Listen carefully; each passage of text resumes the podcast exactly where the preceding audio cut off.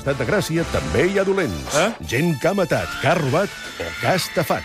I sí, al nostre estat, com a tots els altres, els dolents ens repugnen, però sovint també ens fascinen. Mm. I ningú els coneix millor que el nostre ministre d'Afers Foscos, l'il·lustre, què dic il·lustre, il·lustríssim Carles Porta.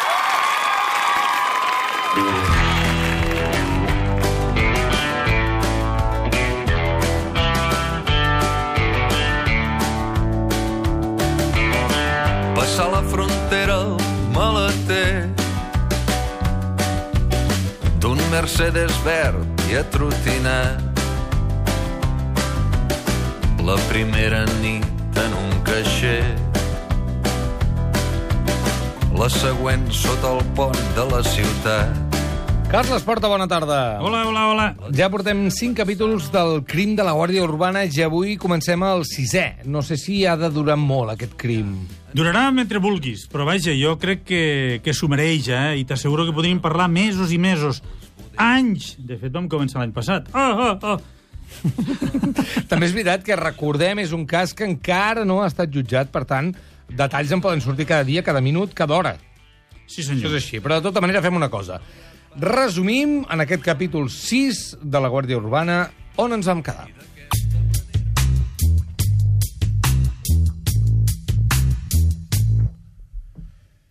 El 4 de maig de 2017, un dijous al vespre, troben un cotxe cremat amb un cadàver calcinat al maleter. Això passa a prop del pantà de Foix, al Garraf. El difunt, qui és? Doncs és un guàrdia urbà de Barcelona que es deia Pedro. Després de nou dies d'investigacions i d'interrogatoris, els Mossos detenen a la nòvia del mort, que es diu Rosa, i que també és agent de la Guàrdia Urbana.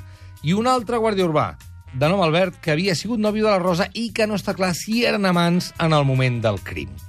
Encara hem d'aclarir les coses gruixudes del cas com qui és l'autor o els autors de la mort, on el van matar, quan i com. De moment, però, degut a les contradiccions en les declaracions i a que no han dit tota la veritat i han sigut descoberts per la geolocalització dels mòbils, la Rosa i l'Albert estan detinguts. I, a última hora, la Rosa insinua que ho pot haver fet l'Albert. Cap on tirem avui, Carles Porta? Sempre hi ha sorpreses als nostres relats, si no, no seria interessant.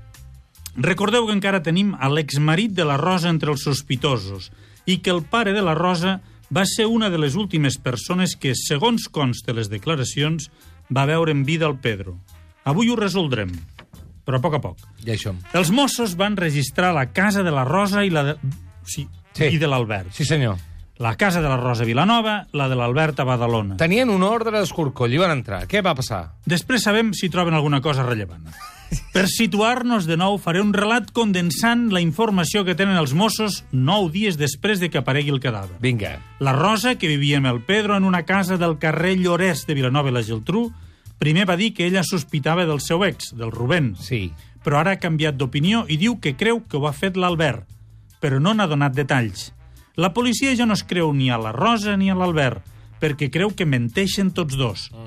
Les dades de geolocalització dels telèfons diuen que la nit del dia 1 al dia 2 els telèfons del Pedro i la Rosa i l'Albert eren a la mateixa casa.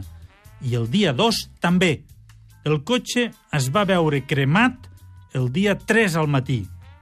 Per tant, el van cremar la nit del 2 al 3. La Rosa i el seu pare diuen que el dia 2 el Pedro encara era viu.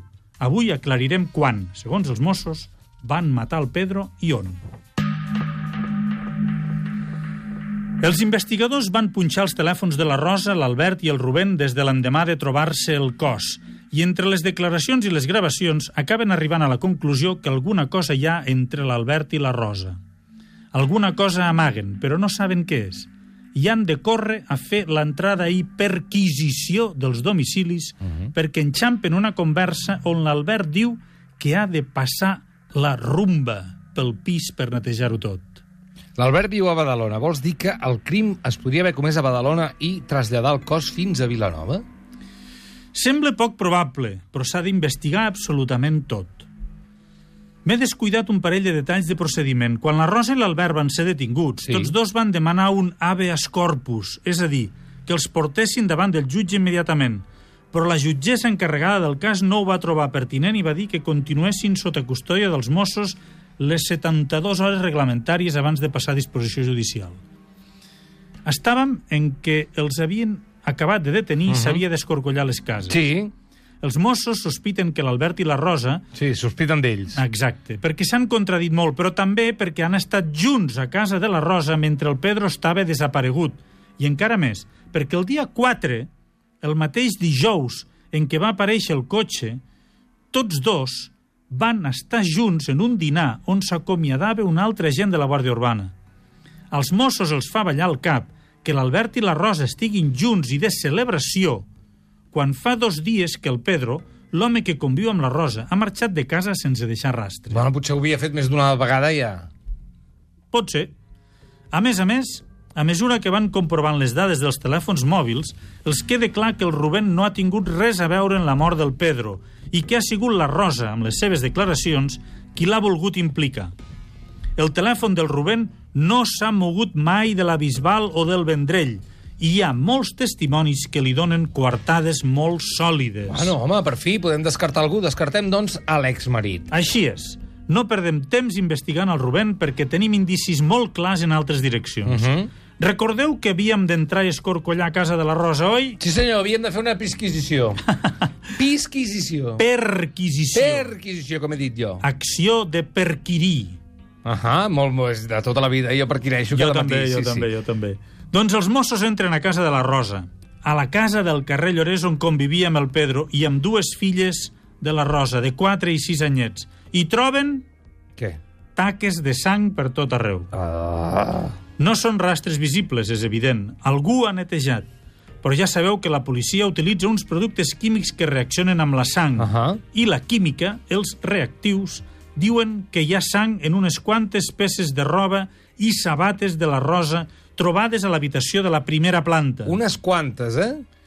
La realitat és que troben rastres de sang per moltes parts de la casa, fins i tot al sostre, Ostres. i en un munt de peces de roba i sabates diferents.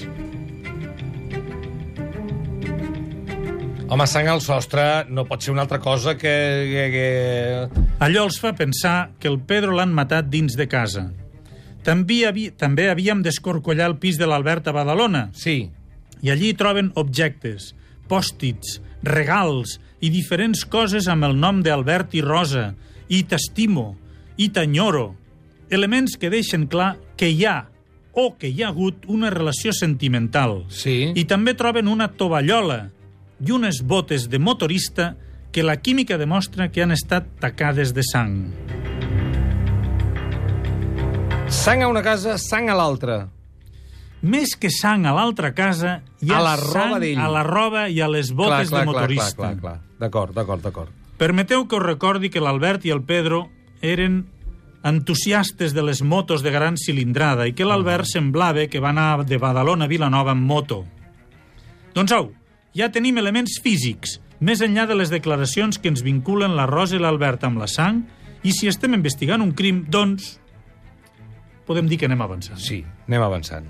Per agrupar informació, a casa de la Rosa i el Pedro hi ha molta sang arreu, no un regatillo o unes gotes com quan et fas un tall al dit o hi ha, hi ha molta sang. Sí, sí, sí, sí. El Pedro és mort. Sí. La Rosa i l'Albert tenen peces de roba i sabates tacades de sang. Els telèfons mòbils de la Rosa i el Pedro i l'Albert eren a la mateixa casa, tant dilluns com dimarts a la nit. Però la Rosa El- diu que el Pedro va marxar de casa el dimarts dia 2 a la nit. Exacte. Però el dia 1... El Pedro, l'Albert, ja va passar... El Pedro i l'Albert i la Rosa ja eren a casa de la Rosa. Però ni l'Albert ni la Rosa no havien dit res als Mossos. Com que tots dos, la Rosa i l'Albert, amaguen la informació de la nit del dia 1, els Mossos sospiten que va ser aquella nit quan van matar el Pedro. D'acord. Tots dos, eh? No correm a sentenciar. Un detall important. Els Mossos creuen que podien haver matat el Pedro la nit de l'1 al 2 de maig. Sí.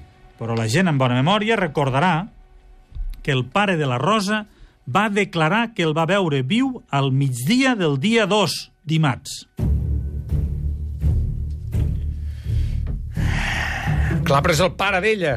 Doncs si el dimarts el sogre va veure viu al gendre, Diu que va veure viu. No el podien haver matat la nit del dilluns, oi? Però no tenim cap element que demostri que no és veritat, que aquest home menteix.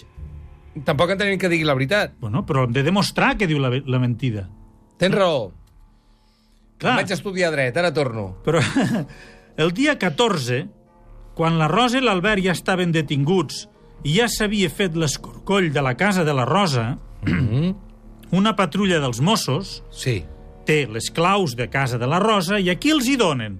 Les tornen al pare de la Rosa. Sí, perquè ara no hi és la meva filla, és torna a al la meu presó, pare. bueno, la seva filla és al calabós, doncs molt bé, tornem-li les claus al familiar més proper, I al què? pare de la Rosa. No passa res, agafa les claus i entra a casa i ja està. Atenció al que vindrà ara. Determinant. Canviem-ho, això, per favor. Quins nervis.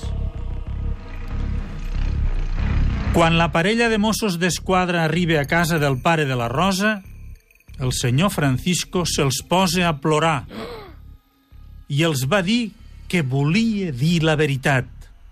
Els Mossos li recorden que tenia dret a no declarar contra la seva filla. Però la mentida devia pesar molt en la consciència d'aquell home Clar. i va acabar declarant que havia mentit, Toma! Que aquell dia 2 al migdia ell no havia vist el Pedro. Ho hem dit, això? Fins i tot no havia ni anat a casa de la filla i que, en canvi, sí que hi havia anat la nit del 2 al 3 I? i s'hi havia quedat a cuidar les nenes, quan la Rosa fins ara sempre havia dit que era ella qui les havia No cuidat. hi era. No hi era. Ja tenim dos elements més desbloquejats. Ningú va veure viu al Pedro el dimarts dia 2, amb la qual cosa els Mossos estableixen que el Pedro el van matar la nit del dia 1. D'acord. Lo de l'hora serà més complicat de, de, de determinar, però ja hi tornarem. Però perdona una pregunta. L'altra cosa és que es comença a desbloquejar és que la nit del 2 al 3, quan ja feia un dia que el Pedro era mort, la Rosa, l'Albert i el telèfon del Pedro es mouen junts i van fins a la Bisbal del Penedès, no? Exacte. Però, Però- però... però que no passa la nit a casa del 2 al 3, l'Albert a casa de la Rosa? Diu, Diu! diu. Però en canvi és el sogre amb les nenes. No! El, ell, la declaració de la Rosa diu que a casa amb les nenes s'hi va quedar ella i que l'Albert va dormir això al és el sofà. que dic, això és el que dic. Però ara el sogre Diu que no. diu que s'hi va quedar ell amb Per les això- nenes. Per tant, on eren la Rosa i l'Albert? D'acord. Ara ho veurem. Va, doncs. És que corres molt. No, no, no, no vull posar les coses clares, d'acord. I què, i què, i què? Van anar fins... Aquells dos telèfons Sí. van fins a la Bisbal del Penedès. Sí. Els Mossos dedueixen que la Rosa i l'Albert volien fer veure que el Pedro va anar a discutir amb el Rubén i el Rubén l'hauria matat i fet desaparèixer cremant el cotxe. Però la jugada els ha sortit malament. Els investigadors ja tenen clar que el Pedro va morir el dilluns i no el dimarts. I ara sospiten que el dimarts la Rosa i l'Albert van voler desfer-se del, desfer-se del cotxe i del cadàver. Es podrà demostrar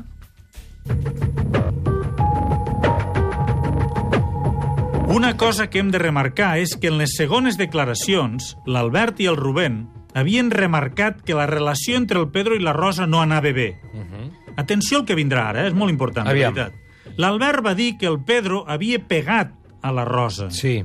I el Rubén va explicar que una de les filles li havia dit que a casa, amb la Rosa i el Pedro, havia Sí. vist com el Pedro agafava pel coll a la seva mare, a la Rosa, Sí. i la tirava al terra. D'acord. Els Mossos, a l'hora de redactar els informes, hi han de posar els motius que creuen que hi ha darrere d'un assassinat o d'un homicidi. I a partir de les dades i declaracions comencen a plantejar-se un parell d'hipòtesis. Però necessitarem temps per desenvolupar-les.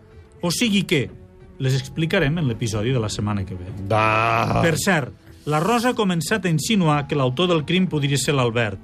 I ho ha fet just abans de ser detinguda. I l'Albert... Què diu l'Albert? Declararà alguna cosa després de ser detingut? Tindrem algun gir argumental o es ratificarà el que sembla que cau pel seu propi pes? Ho parlem la setmana que ve.